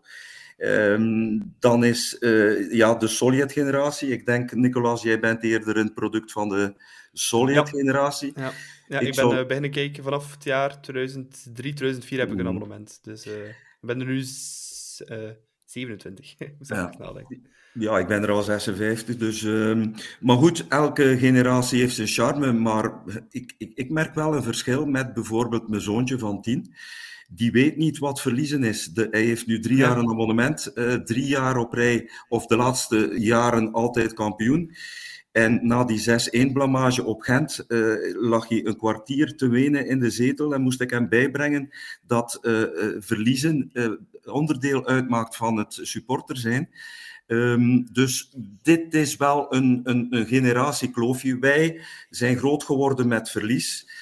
Daar waar jullie, die jongere generatie, alles lijkt nu zo evident omdat we nu in een eh, hoogconjunctuur Ja, natuurlijk absoluut. zitten op sportief vlak. En ja, daar moet ik soms wel eh, nogal een beetje aan opvoeding doen naar die jongere generatie. Maar goed. En dit Ja. uit zich ook wel een beetje in Jan Breidel, vind ik. De, de, de, de nieuwe aanwas van, van fans is misschien iets te gemakzuchtig geworden en, en verwacht misschien te veel Ja. dat we elke wedstrijd met 5-0 winnen thuis. eh Ja, dat is want fantastisch. ik moet zeggen, ja, ik, ik ben natuurlijk inderdaad van de, van de Sovjet-generatie, like dat je zegt, maar ik heb dan ook wel al de miseriejaren nadien Ja, meegemaakt. Dat we zesde werden, eh, vierde, dat we blij waren dat we een derde plaats haalden, dat we toch rechtstreeks waren, geplaatst voor Europa. Eh, maar zoals je zegt, ik denk dat veel nieuwe fans, maar ik ken er ook een paar die ook nog maar een paar jaar abonnement hebben, die zijn ja, gewoon, ja, Club Brugge wordt kampioen. Hè. En dat was over eh, ja, tien jaar zelf ja, absoluut geen evidentie. Hè. Tot, we waren wel blij dat we nog een keer meededen voor de titel zelf. Dus, eh, Wat ik nooit ik denk dat je ook meer kan genieten van, van deze periode dan ook, als je Ja, de slechte periode hebt meegemaakt. Dat zeker. 1982 eh, moest Club de laatste speeldag thuis van RWDM winnen om, om in eerste te blijven. We wonnen met 5-0. Ik was de eerste op het veld. En ik zal tot, tot eeuwig eh, mij eh, herinneren hoe we met duizenden mensen op onze knieën zaten, eh sjaal boven ons hoofd, You'll Never Walk Alone zongen en zo dankbaar waren voor het feit dat we in eerste klasse bleven. Jongens, 82, 40 Ja. jaar terug zaten we met één voet in tweede. Dus eh, als je dit meegemaakt hebt, dan kun je de, de huidige hoogconjunctuur natuurlijk wel appreciëren, maar relativeer je ook als het eh, soms wel wat minder gaat. Ja. Eh, Heb je soms heimwee naar die oldschool voetbalbeleving, hoe dat het vroeger aan toe ging in de stadions? Ja en nee. Dus ja, in die zin dat het ja, heel wat vrijblijvender was en dat een uitwedstrijd was meer een overlevingstocht, want eh, je, je, je, je werd eh, op een aparte manier behandeld toen je met de trein in, in, het station in Anderlecht, eh, in Brussel of eh, in Luik toekwam. Nu is dat allemaal enorm gestructureerd en geregeld. eh, allemaal, het, ja, soms is het, eh, het leuke er wat vanaf. Eh vandaar dat die Europese aways eh, bij mij altijd hoog aangeschreven staan, omdat je daar toch dat eh, vrije gevoel nog hebt van, van, van pakweg 30, 40 jaar geleden. En ja, die, die, die beleving is, is wat minder. Nu, er zit ook een positieve kant aan. Het is voor gezinnen met kinderen zeker nu een betere periode om eh, voetbalwedstrijden bij te wonen dan eh, in die beginperiode, eh, die woelige tachtiger jaren, negentiger jaren. Dus Ja. ja en nee, dus ja. Maar ja, Ja, want, ik herinner mij ook vanuit mijn periode dan, begin jaren 2000. Ik mocht van mijn mama bijvoorbeeld niet naar Club Brugge Anderlecht en Club Brugge Antwerpen gaan, omdat dat ja, risicomatchen waren. en ja, er kon wel altijd een keer iets gebeuren. Dus ik denk dat dat wel nu wel verdwenen is. Het veiligheidsgevoel ligt nu wel hoger. En ook, ik ben onlangs, nu eh, zaterdag was ik in Keulen, Keulen tegen Mainz. Daar liepen 5000 Mainz-supporters gewoon Mhm. door die 45 Keulse supporters. Dit is daar, dit- dat wordt geaccepteerd en daar was geen frictie. Hier in België, ik kan me niet herinneren dat ik ooit een uit van de laatste vijf jaar eh, heb, eh, heb gezien eh, in, in, in een Brugs café. Ik bedoel, ja, dat wordt zo gescheiden, eh, de zuidkant en de rest. eh, ja, ik vind het langs de ene kant jammer, omdat je dan, eh, ja, je verliest toch een aspect van het voetbal. Langs de andere kant, ja, ga je het, het, het, de, de, de, het rassengevoel wat gaan stimuleren. Ja, dus, Ja, want ik, ja, ik ben ook al een paar keer naar Duitsland geweest, in eh, Dortmund dan. En Mm. toen had ik tickets toevallig via Werder Bremen, het was Dortmund-Bremen. En ik zat toen in een vak en echt letterlijk rechts van mij zat er een Dortmund-supporter, links van mij een Werder Bremen-supporter. Het werd 3-2. een beetje hetzelfde scenario als uh, jouw match van afgelopen weekend op Keulen. Ehm, maar ja, de ene viert, de andere viert. En dat gaat daar perfect zonder frictie. Het is toch raar dat dat daar wel kan. Hè? Het kan ook amicaal, ja. Is, en je bent een beetje een groundhopper, dan, als ik het goed hoor, Hans. Heb je zo uh, suggesties waar, dat zo, ah, waar heb je al de beste beleving gehad? Uh, waar zou je een keer willen aanraden? Ja, ik ben een uh, anglofiel, dus ik, uh, ik, ik, ik ben al uh, 40 jaar verliefd op het Engelse voetbal. En ik moet zeggen dat bijvoorbeeld Villa Park, Aston Villa en die Holte End, dat is, dat is een, heel, een heel mooi stadion. Uh, nog uh, de Archibald Leach, de, de Schotse architect die, enorm veel oude stadions heeft neergepoot. De meeste zijn natuurlijk al verdwenen. Everton, Goodison Park is ook zo'n evergreen. iets dichter, Craven Cottage, Fulham. Is ja. ook zeker de moeite, heel authentiek met nog die oude turnstiles. Um, dit zijn er drie uh, die ik voor de vuist weg uh, even vernoem. Um, maar je hebt uh, overal in Europa wel mooie stadions. maar ik ben niet zo gewonnen voor de nieuwe Lego-blok. Um, stadions die nu overal op industrieterreinen de kop opsteken en die authentieke die verdwijnen. Ik kan er wel ergens in komen dat dat die beperkte uh, stadions ingenomen in een woonwijk, dat die uh, gedoemd zijn van, om, om, te verdwijnen. Maar dit, is, uh, dit doet pijn aan het hart. dan heb je zo van die anonieme... Um, ja, stadions die allemaal een beetje het, het, hetzelfde zijn in feite. Nu goed. Ja, want allee, ja, binnenkort gaan wij ook, als alles goed gaat, normaal zien naar een nieuw stadion, Hans. Mm -hmm. um, gaat het dan ook pijn in het hart doen om het oude Jan achter je te laten? Ja, ik ben een ver, verwoed voorstander uh, om, om, om, te, om uit te breiden, want het is uh, gewoon voor Club Brugge de hefboom die we nodig hebben. we kunnen enorme stappen zetten door een, een nieuw state-of-the-art stadion neer te poten op de site waar we nu spelen. Het zal pijn doen, want sinds 75 is dit mijn tweede thuis. Maar langs de andere kant ben ik zo realistisch genoeg om uh, het uh, in te schatten dat voor, de, uh, voor Club Brugge het een godsgeschenk zou zijn mochten we naar een modern 40.000 zittend stadion gaan. Daar heeft heel de club nood aan, voor, ook qua uitstraling Europees. ik, ik vind dit gewoon een stap die we moeten zetten en ik hoop na al die jaren strijd, ik denk dat het nu al 15 jaar is, dat we eindelijk dat groen licht krijgen en die eerste spa de, de grond ingaat. Uh, maar het zal met uh, dubbel gevoel zijn. Uh, maar goed, de toekomst, we moeten toekomstgericht denken en het is gewoon een, een no-brainer dat Club Brugge moet uitbreiden. Gewoon al om meer supporters te, laten, te kunnen laten um, proeven van, van het Brugse gevoel.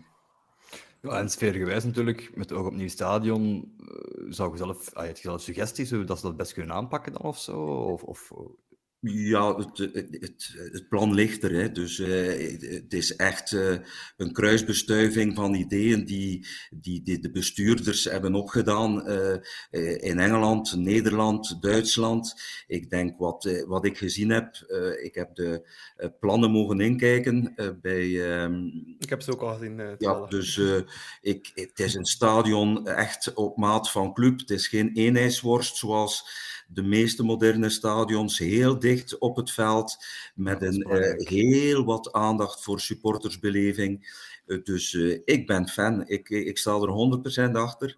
het, het oogde heel leuk. ik denk dat het wordt een uitdaging om alle neuzen qua supportersgroepen in diezelfde richting te krijgen, maar ja nu, eh, bijvoorbeeld, ik zit in de Boven-Noord. Uh, rondom mij zitten er allemaal mensen die al twintig jaar uh, datzelfde zitje koesteren als, alsof het hun eigendom is. En je voelt gewoon aan alles, uh, ja, er is geen instroom van nieuwe fans in, in de Noord, beneden al helemaal niet. boven, ja, dat zijn historische zitjes. waar moeten nieuwe supporters hun, hun plaatsen, een, een, een plaats gaan innemen nu.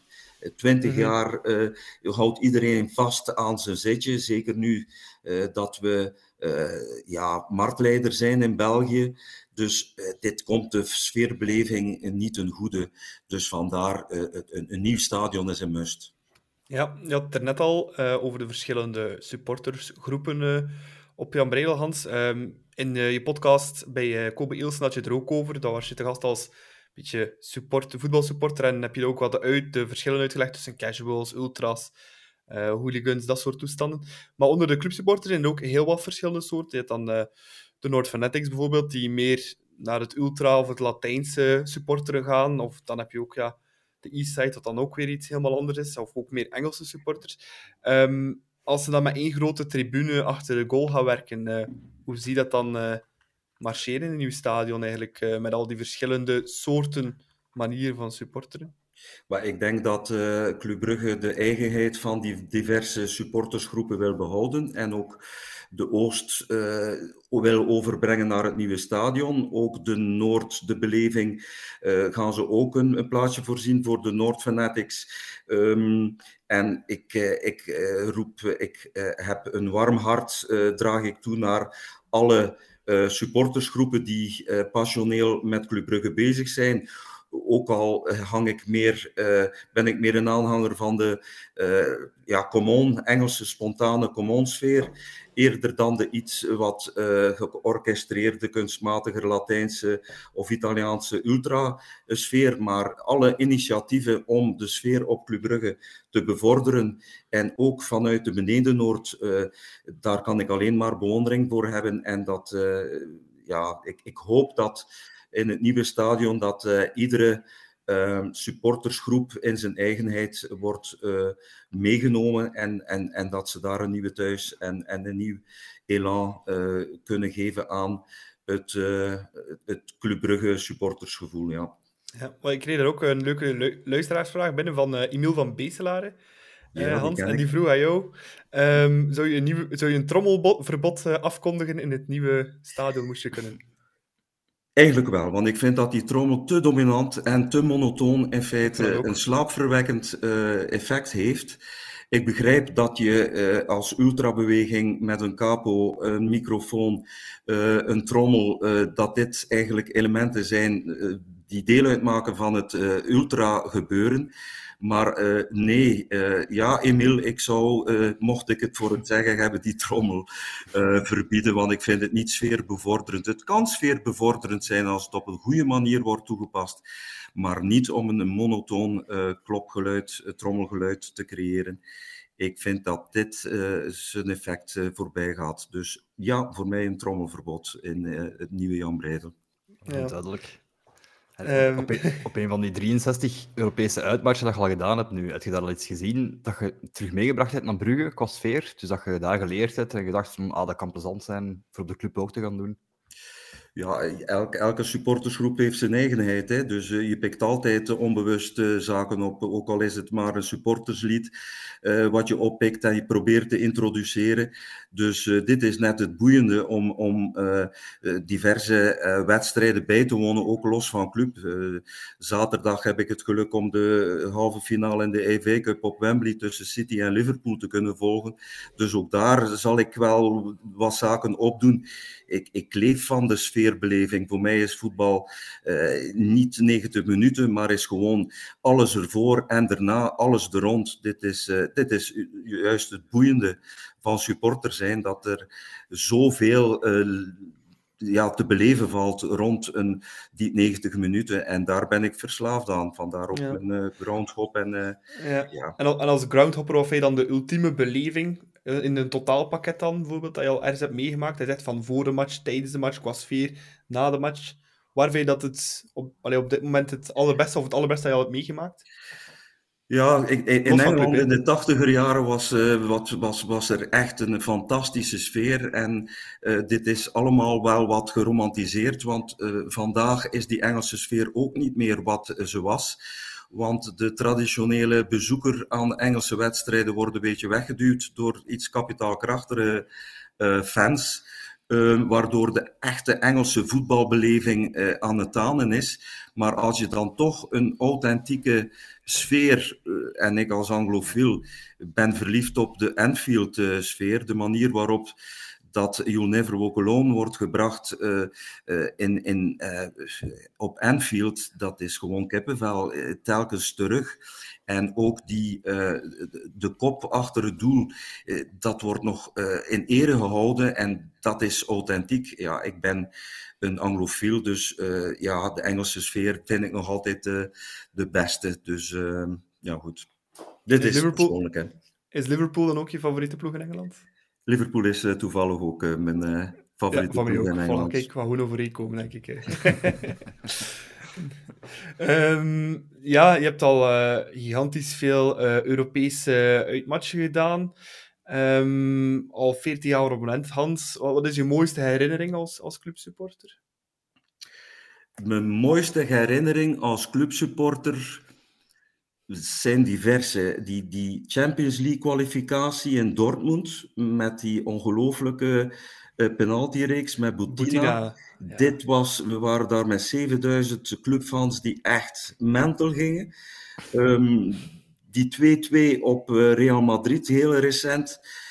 Dit is toch ook 2-0 voorstaan aan de rust, elkaar in de wangen nijpen van is dit echt? Um, die beleving daar, dit is ook eentje om niet te vergeten.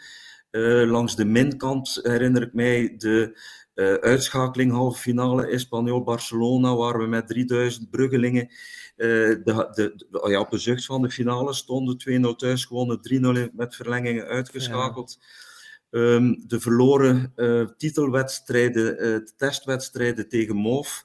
Uh, in 86, dat was ook pijnlijk. Daar ga je in de heenwedstrijd 1-1 gaan gelijk spelen. Kom je 2-0 voor en verlies je, of, of wordt nog 2-2 gelijk gespeeld. Dus dat zijn een beetje grosso modo mijn twee, de twee uitersten. Uh, want ja. ja. fan zijn, dat is treurnis en, en, en verdriet, maar ook uh, extase. En, en ja, dat zijn twee extreme aan, aan beide kanten van. ja. Uh, Ant, je hebt zelf ook gewerkt van uh, 2004 tot 2011, als ik goed ben, als nee. redactieleider bij clubbrugge.be. Nee, ja. dat is niet goed. Ja, nee, dat klopt helemaal. Sorry. Ah, okay. ik heb, uh, dit was op vrijwillige basis, Jens. Dus uh, ik leidde toen ah, een team van. Werk, ja. ja. dus ja. Uh, ik had mijn vaste job en ik um, had een team van een dertigtal medewerkers die ik aanstuurde. Um, dat, was, dat waren de beginjaren in feite van de, de Brugse website. We hadden een, een, een Spaanse versie, omwille van de vele Spaanstalige uh, spelers toen der tijd, onder andere Vasquez. We hadden een Duitsstalige versie, een Engelstalige versie. En de redactieplanning werd uh, door mij gestuurd.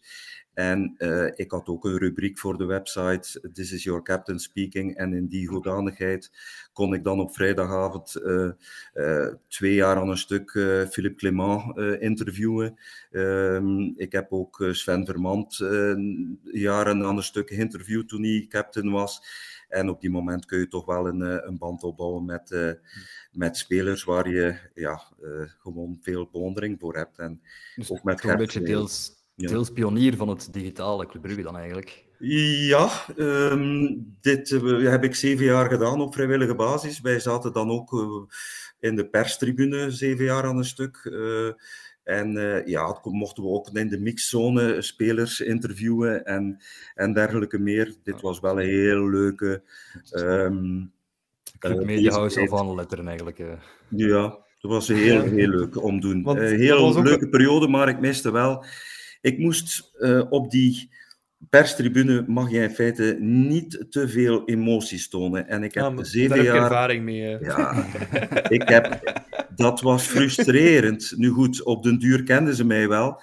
Uh, maar het was voor mij echt, uh, toen ik terug als fan in die tribune zat, uh, kon ik terug mijn, mijn hartje ophalen dat was wel uh, voor mij even aanpassen, uh, die zeven jaar. Maar goed, ik ja. deed het voor club. Dus ja. ja, voor mij is dat een beetje hetzelfde, want uh, ja, ik zit nu ook regelmatig op de perstribune, like nu van het weekend ook. Maar als ik dan zo een keer terug naar mijn plaats mag gaan en ook een keer gewoon een match supporteren, dan vind ik geweldig om dat nog een keer te doen. ja, precies. Dus, ja, nee, ik, ik, versta helemaal wat je bedoelt. Um, hoe komt dat dan destijds, allee, dat je daarmee gestopt bent bij club? Omdat ik toenertijd door Paul Jonkheren, de voorzitter, een vaste job werd aangeboden bij Club Brugge. Hij zei, kijk, die resultaten um, als redactieleider zijn dermate goed dat ik voor jou uh, een uh, functie wil vrijmaken binnen Club Brugge. En op het moment dat ik twee sollicitatiegesprekken achter de rug had, uh, kwam de overname door Bart Verhagen en werd de tandem Bart Verhagen-Vincent Manhart um, gepiloteerd, gelanceerd. Dan ben ik bij de beide heren op uh, sollicitatiegesprek gegaan en ben ik effectief binnen het communicatieteam van Club fulltime, in feite professioneel gaan werken om die website met name op professionele, op professionele manier te gaan ontplooien. En um, ik, bij het begin van mijn carrière op club uh, in 2011 hadden volgens de SIM-cijfers de, de, de, website had 10.000 unieke bezoekers. Na zes maanden door uh, dagelijkse updates, dikwijls 6 à 7 updates per dag, um, hadden we dat verdubbeld naar 20.000. Um, ik werkte toen onder de vleugels van um, de Meijer, uh, de Wim ja. de Meijer, de toenmalige. Ja, dus mm. die had een verleden bij de regionale tv en ook VTM. En die was mijn directe chef. Maar na zes maanden kreeg ik een negatieve evaluatie um, van de heer Mannaert. wat was er gebeurd? Twee mensen van um, Uplace, namelijk een zekere Dagmar en de huidige voorzitter, CEO van uh, de Voetbalbond, namelijk Lorin Parijs, zaten door het échec van uh, Machelen, het, uh, het, het shoppingcenter Machelen, zaten ze tijdelijk zonder werk. Ik had een, geen vast contract, maar ik was daar zes maanden, had ik een tijdelijk contract. En ik werd vriendelijk verzocht van Club Brugge te verlaten. En dan zijn onder andere Lorin Parijs op de payroll van Club Brugge terechtgekomen. Nu goed, ik, op dinsdag kreeg ik mijn C4. Op donderdag zat ik alweer in het stadion om Club in de Europa League aan te moedigen. Voor mij is Club Brugge meer dan uh, één persoon. Dus uh, oké, okay, dit, dit heb ik al lang verwerkt. maar het was ja, zes maanden dag en nacht voor club gewerkt. alle verplaatsingen, Europees, competitie.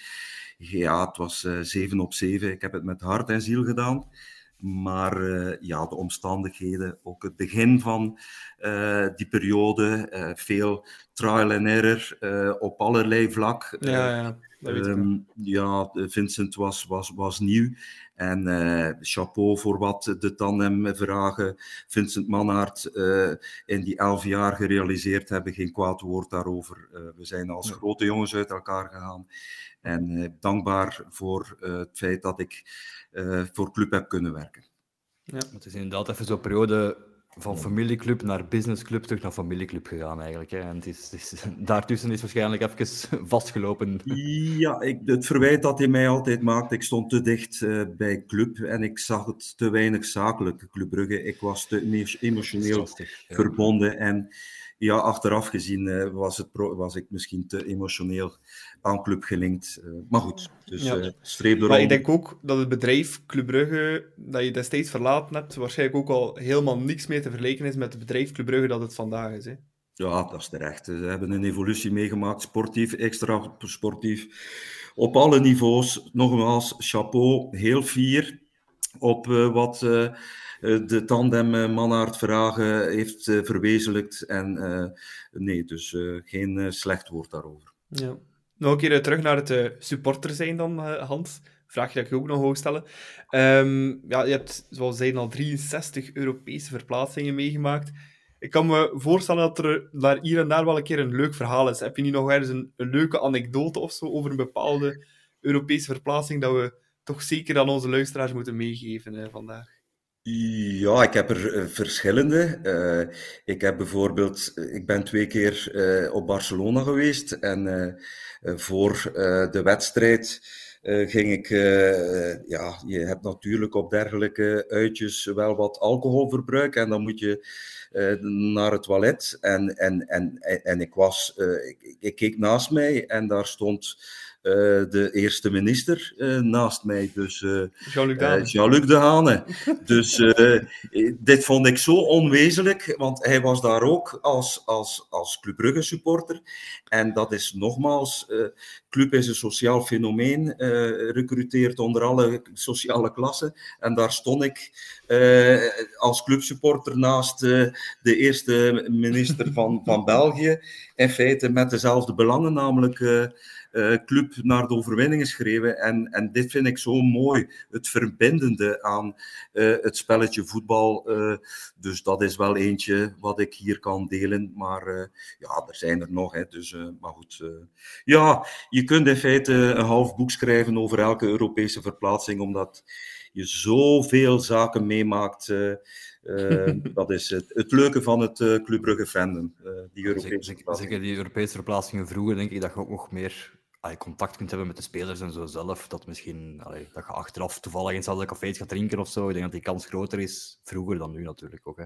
Dat klopt wel, maar ik heb altijd Club Brugge in zijn geheel in feite uh, gezien. En ik heb nooit uh, individuele idolatrie naar een bepaalde speler gevoeld. Voor mij was dat, dit is gebeurd, bijvoorbeeld op Chelsea, 95. Toevallig zijn we het spelershotel binnengeraakt, zijn we aan de praat geraakt met de spelers, net voor ze vertrokken met de spelersbus naar Stamford Bridge. En dat zijn dingen die, die leuk zijn, die meegenomen zijn, omdat het zo onvoorspelbaar is. En, ja. Maar ik ga er niet echt uh, op zoek naar, maar dit zijn leuke uh, zaken die je dan effectief ook beleeft. Dat, uh, in ja, dat je dat onbewust kunt tegenkomen ja. op die verplaatsingen gewoon. Inderdaad. Ja, klopt. Ja. En, en, heb je dan toch geen favoriete speler over al die jaren als clubsupporter heen en zegt, dat vind ik nu toch wel de ultieme clubspeler? Ja, ik ben eh, altijd fan geweest en, en, en, en, en club was voor mij in, in de beginjaren Jan Keulemans. Dit, dit, is voor mij de verpersoonlijking van, uh, van, van club uh, toenertijd. En vandaag uh, is Charles de Ketelaar veruit mijn, mijn favoriet. Uh, gewoon omdat hij vanuit de schaduw van Jan Breidel, ja, waarschijnlijk, en ik hoop dat hij het Europees voetbal kan veroveren en hij een carrière kan maken à la Kevin De Bruyne.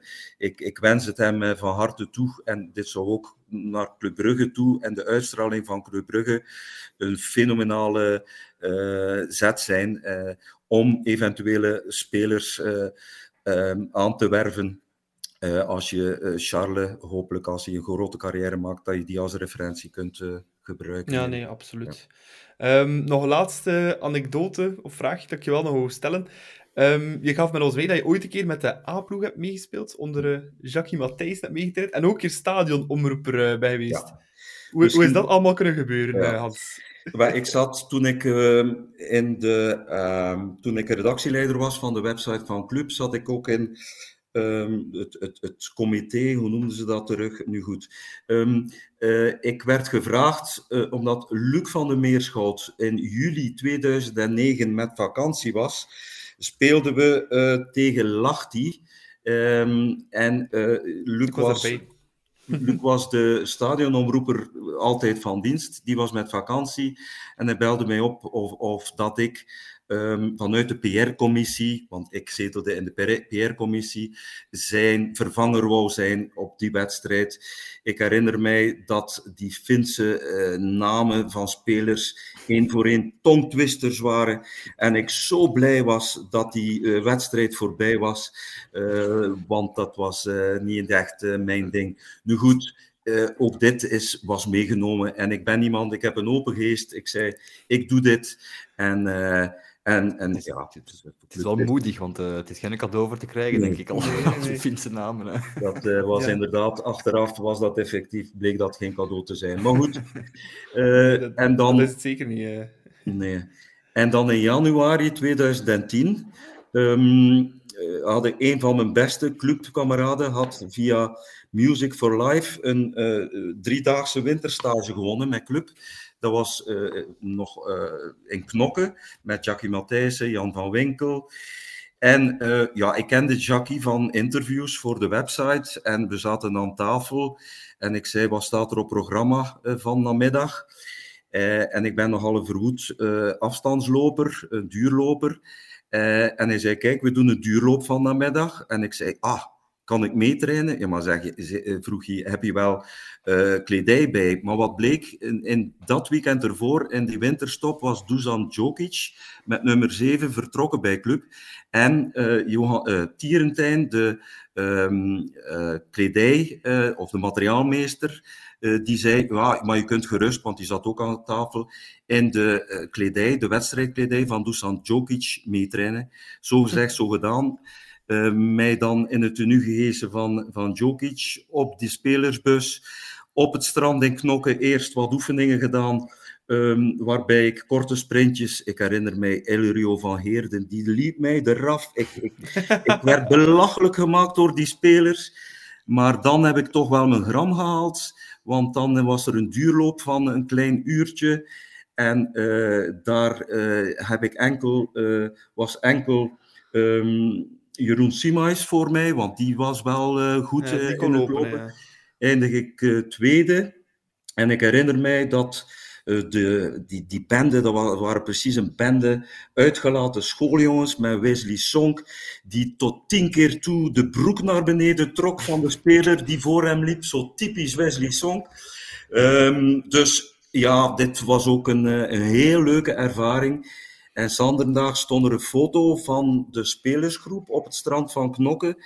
En zag je heel duidelijk uh, ja, ook mij ertussen lopen. En werd er gespeculeerd of de club geen testspeler had uh, aangeworven. Dus dat was ook nog eens een leuke uh, bijzaak. Dus ja, inderdaad, leuk. Zalige anekdote. Heb je ook gevoetbald met hen? of, of was het voornamelijk Ja, dat waren zo van die korte, ja, die rondo's. Uh, maar ja, ik zat altijd uh, in het midden. Ik kwam ja. overal te laat. Want die intensiteit van die mannen, die, die, die korte sprintjes, daar was ik niks tegen. Maar uh, ja, dus, in die duurloop kon ik dat wel tonen knap, dat ik iets in mijn mar zat. Enkel Sima iets voor je moeten laten. Dat ja. is ja. toch weinig gegeven, denk ik. Ja, goed, ja, voor die anderen was dat meer spielerij. het begin van de winterstage. Dus, ah, ja. Het was uh, redelijk gemoedelijk. Als ik ja, inderdaad, heel gemoedelijk. Ja. Alright, Hans, dat waren uh, al onze vragen een beetje voor jou. Um, maar ik denk dat we nu kunnen overgaan naar het volgende deeltje van onze podcast. En dat is de Kajje Cup. Ja, Jan. En voortgaan, ze kunnen niet volgen. Nog altijd. Goal! Goal, goal, goal! Hij is er door, Keulemans. Hij is erdoor. De inspanning van het jaar. De Katje Cup, dat is de prijs voor de speler, medewerker, supporter of persoon die iets met blauw-zwart te maken heeft, die we deze week graag eens in de bloemetjes willen zetten. Elk van ons drie nomineert één persoon. Daarna kijken we wie de leukste of mooiste, mooiste nominatie heeft gegeven. En die wint dan de Katje Cup. Uh, Jens, jij mag anders uh, jouw Katje Cup voor deze week eens uh, aftrappen. Ja, het zal misschien een onorthodoxe keuze gaan, maar ik ga voor Brenda Mechelen gaan. Ja. Um, dat hij weer een solide defensieve uh, ja, spel heeft neergezet eigenlijk. Hè. Was weer de oude Mechelen, zoals we een beetje kennen. Um, ze mag gaan blijven spelen voor mij. Ja, van hem heel sterk tegen uh, heel sterke Kuipers ook. Uh, toch weer een sterke prestatie. En sinds hij er terug in staat, in de basis zelf, ja, toch ook minder tegendoelpunten. Hans met Brende Mechelen. Klopt, uh, toen hij uh, uitgeleend werd aan Sint-Truiden, had ik nooit gedacht dat hij nee. uh, zo'n parcours nog bij club, zo'n toekomst bij club had. dus ja, hij heeft natuurlijk onder Leco daar toch wel heel sterk gepresteerd. En ja, je moet, in je carrière moet je ergens toch wel een beetje geluk hebben. En Brendan heeft dat gehad. Een brandende boy, een van ons. Um, chapeau, ik gun het hem van harte. Ja, vaste luisteraar en burgemeester van Breden, Stief van den Berg, zal het graag horen, uh, Jens, dat genomineerd hebt, uh, Brendan Mechelen. Uh, Hans, wie heb jij als nominatie? ik zit hier een beetje als vertegenwoordiger van de Club Brugge-fans. En mijn keuze is gevallen op Kevin Gadijnen. Wie is Kevin Gadijnen?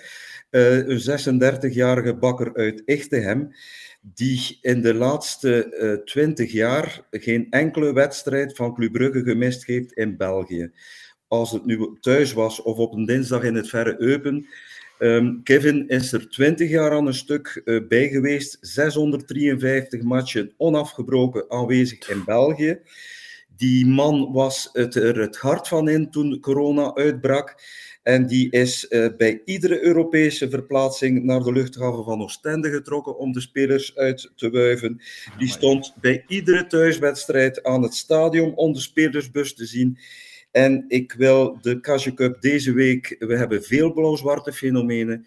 Maar Kevin is voor mij een symbool van de onvoorwaardelijke trouw van het blauw-zwarte legioen. Eh, en het blauw-zwarte legioen is en blijft het, grootste kapitaal van club. Dus mijn Casio Cup gaat deze week naar Kevin. Kevin gaat in een prachtige nominatie, Hans. Uh, ja, meer No Sweat No Glory kan het niet worden, denk ik, uh, dan dat. Dus uh, fenomenaal. 20 jaar aan een stuk geen enkele match gemist. Uh, ik zelf heb ook een nominatie. Dat is deze keer onze coach, Alfred Schreuder. Um, toen dat hij is gehaald, um, begin dit jaar, waren toch veel wenkbrauwen die fronsten. Veel mensen die de naam niet kenden. Um, ook we hebben met heel wat andere supporters in de clinch gehaald. Al in de clinch gegaan is veel gezegd, maar toch serieus wat woordenwisselingen gehad over Schreuder.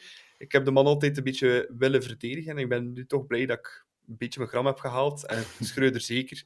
Uh, acht overwinningen op een rij. Zoals Hans zei, het aantal tegendoelpunten gehalveerd. Uh, gemiddeld gezien dan. Um, dus ja, hij maakt er een solide ploeg van. We hebben ongelooflijk goede spelers. Hij heeft natuurlijk wel die twee flankspelers, Buchanan en uh, Olsen erbij. Dat scheelt ook enorm wat. Maar ja, hij heeft er toch een ander systeem mee geslepen. En hij lijkt ons op weg te brengen naar een derde titel op rij. Dus vandaar dat ik onze coach um, toch deze week een keer een bloemetje zou zetten en een extra duwtje in de rug wil geven voor de playoffs die eraan komen. Maar ik denk, Jens, dat Kevin, ja, daar kunnen we niet onderuit. 20 jaar, no sweat, no glory. Dat is... Uh, ja. Brandon ja. Mechelen heeft wel een degelijke basis, maar niet zo'n basis als Kevin, denk ik. Dus. Ik denk dat Brandon Mechelen zelf nog geen 20 jaar bij Club Brugge speelt. Ja, dus, uh... Kevin Gadijnen is uh, de achternaam, hè, Hans? Ja, Gadijn, ja, hij is zelfstandige bakker. 36 oh. jaar in echt, Echtegem. Die Want regelt... Als we, lekker brood moeten hebben, moeten we passeren bij de bakker in Echtegem ook. Dan, Inderdaad. Ja, ik ken een bekende bakker in Kortemark die ook blauw-zwarte eclairs maakt bij gelegenheden als bekerfinales en en dingen. Dus uh, Kevin, Kevin Galdijnen, een dikke proficiat met de uh, Casio Cup deze week. Uh, over en over verdiend. Voilà, we zijn al uh, over een uur en half, zie ik in totaal. tijd om over te gaan naar het allerlaatste onderwerpje van vandaag. En dat is ja, de, eerste de eerste competitie, eerste playoff-wedstrijd die eraan komt binnen twee weken. Club Brugge tegen Royal Antwerp FC. Um, Hans, een paar weken terug ontvingen we ook Antwerp bij ons thuis. Het werd een uh, 4-1. Weinig tegenstand van Antwerpen. Een freewheelend Club Brugge. Verwacht je een gelijkaardig scenario als openingsmatch? Verwachten is veel gezegd. Ik hoop er in elk geval op. Ik merk ook aan de sfeer in de tribunes en wat leeft bij de clubfans dat tot voor anderhalve maand geleden het, het geloof in die derde titel was weggezakt. En eh, geleidelijk aan, week in, week uit, eh, geloven er weer er meer in. Eh, ik, ik hoop op een heel sterke eh, play-off van, van, vanwege club. En ik denk dat het een ideale start is, een thuiswedstrijd tegen de op papier zwakste van de vier. Als je daar die drie punten kunt uh, thuishalen, het publiek zal er klaar voor zijn, want het is tegen een van die uh, rivalen uh, op extra sportief vlak en nu meer op sportief vlak de laatste jaren. Um, er is ook de tweestrijd tussen de twee voorzitters. Um, ja, ik, ik wou dat we morgen al in de wijk konden spelen tegen Antwerpen. Ja. Uh, Hans, ja, je, zei dat je, er, je zei net dat je uh, gisteren voor de wedstrijd nog samen had gezeten met enkele andere uh, ja, clubfans om de sfeer wat te, te bevorderen in club, om daar een paar ideeën over te wisselen. Is dat iets dat je ook nu al tijdens de play-offs een paar dingen van wilt uitrollen? Of is dat meer op de lange termijn gezien? Ja, terechte vraag. Het was een, een, een, een eerste kennismaking met een aantal uh, uh, clubfans die, die effectief uh, de sfeerbeleving rond club warm hart toedragen. En het, het, was een eerste bijeenkomst. er zullen er zeker nog volgen. Nu, in, in de play-offs zijn er toch altijd maar topwedstrijden. dus ik denk wel dat het snor zit wat de sfeerbeleving betreft tijdens die drie resteerde thuiswedstrijden. Maar dan is het zaak om eh, naar volgend seizoen toe die beleving wat eh, te verhogen. En daar zijn een aantal zaken benoemd geweest die we nu nog verder gaan uitwerken. Dus dat, is dat dan in de vorm van een uh, nieuwe sfeergroepering, zoals de, de blues? Of is dat dan een verderzetting daarvan? Of, of, of mag je daar nog niet te veel over zeggen? Ja, ik heb de liever... Uh, ja, ik, ik ben zelf 56, verwacht van mij niet te veel. Ik ben wel een idealist en ik, ik ga er altijd voor. Maar uh, ja, een, een overkoepelende, sfeerbevorderende, verbindende supportersgroep met misschien um, vertegenwoordigers uit de diverse uh, supportersgeledingen, uh, is wel iets waar we mee bezig zijn. En, en, en dit kan maar verbindend werken, want uh, ja, ja, dat denk ik ook. We delen allemaal, ja, we delen allemaal die, die passie. Dus, komt United, we stand zou ik zo zeggen. Ja, terug naar de wedstrijd van binnen twee weken. Jens, uh, tegen Antwerp. Um, ja, we kunnen Union wel mooi onder druk zetten, want we spelen eerst. Zij spelen daarna pas uh, op Anderlecht. Um, ja, we kunnen toch wel... Ja, we kunnen al direct leider worden in feite als we winnen. Ja, zeker. Ik ga er ook vanuit winnen eigenlijk. Het is, het is misschien al super optimistisch van mij, maar ik heb er meteen een goed gevoel in tegen Antwerp. Um, feit, ja, ze zijn makkelijk te kloppen. Ze zijn zeker niet in vorm, zelfs nog het seizoen niet. Uh, ook in spitsen niet. Hè. Fraai is er niet, uh, niet echt in vorm. Uh, Benson ook minder de laatste weken. Ja, zijn blessure. In principe moeten we daar geen problemen tegen hebben. En dan zetten we inderdaad Union meteen zwaar onder druk. Als die iets laten liggen tegen Anderlecht, dan staan we er eigenlijk al boven. Hè. Ja, en Raja, die loopt toch niet, Hans? nee, en Ruudje de Laat heeft maagproblemen zeker ook, dus dat is ook alweer wispelturig. Ja. Alright, uh, dan gaan we afsluiten met een pronostiekje. Hans, Club Brugge tegen Antwerp, opener van de playoffs. Ik hoop op een 2-0, een clean sheet uh, en, en, en, de, en een drie punten om te starten. Ja. Jens? Ja, ook de clean sheet, maar dan een goaltje erbij. 3-0. Goh. Ik ging, ik ging ook 3-0 zijn, omdat Hans al 2-0 zei, maar dat was mijn eerste pronostiek. Nee, ik ga gewoon Hans volgen. Kijk, voilà. Ook 2-0. Een mooie overwinning thuis tegen Antwerp. En uh, hopelijk dan meteen ook leider. Dat zou uh, helemaal uh, de play-offs goed laten starten. En dan de week daarna naar het Astridpark. Ja, en dan geven we het niet meer af. Hè. Ik denk, eenmaal als we eerste staan, dan gaan we het niet meer afgeven. Ja, dat zie ik ook wel gebeuren, dat scenario. We zullen het zien binnen enkele weken en maanden. nou, kleine maand. Dan weten we al een pak meer over hoe dat het allemaal verlopen is. We zijn helemaal op het einde gekomen van onze aflevering. Jens, bedankt om er opnieuw bij te zijn vandaag. Bedankt voor mij weer te hebben vandaag. Ja, nee, het was heel leuk altijd om je erbij te hebben. En uiteraard onze guest van vandaag, Hans Noël. Super fantastisch voor uh, alle, al die verhalen te vertellen en uh, leuke anekdotes. Ik denk dat de luisteraars ervan gesmuld hebben. En ik hoop dat jij het ook uh, een leuke ervaring vond om een keer in onze podcast langs te komen. Ja, inderdaad. Ik vond het leuk. Dus graag gedaan en met veel plezier. Bedankt nogmaals voor de uitnodiging. Ja, dat is heel graag gedaan. We zullen elkaar misschien wel nog eens horen in de toekomst. Het laatste dat ik ga doen is nog een keer onze kanalen er herhalen. Je kan ons volgen op Instagram met De Klokkenpodcast. Op dezelfde manier ook op Twitter. Mailtjes kan je sturen naar deklokkenpodcast.gmail.com. En vergeet ons zeker ook niet te followen op uh, Spotify. Tot binnen twee weken, tot een uh, volgende aflevering van De Klokken. Tot dan.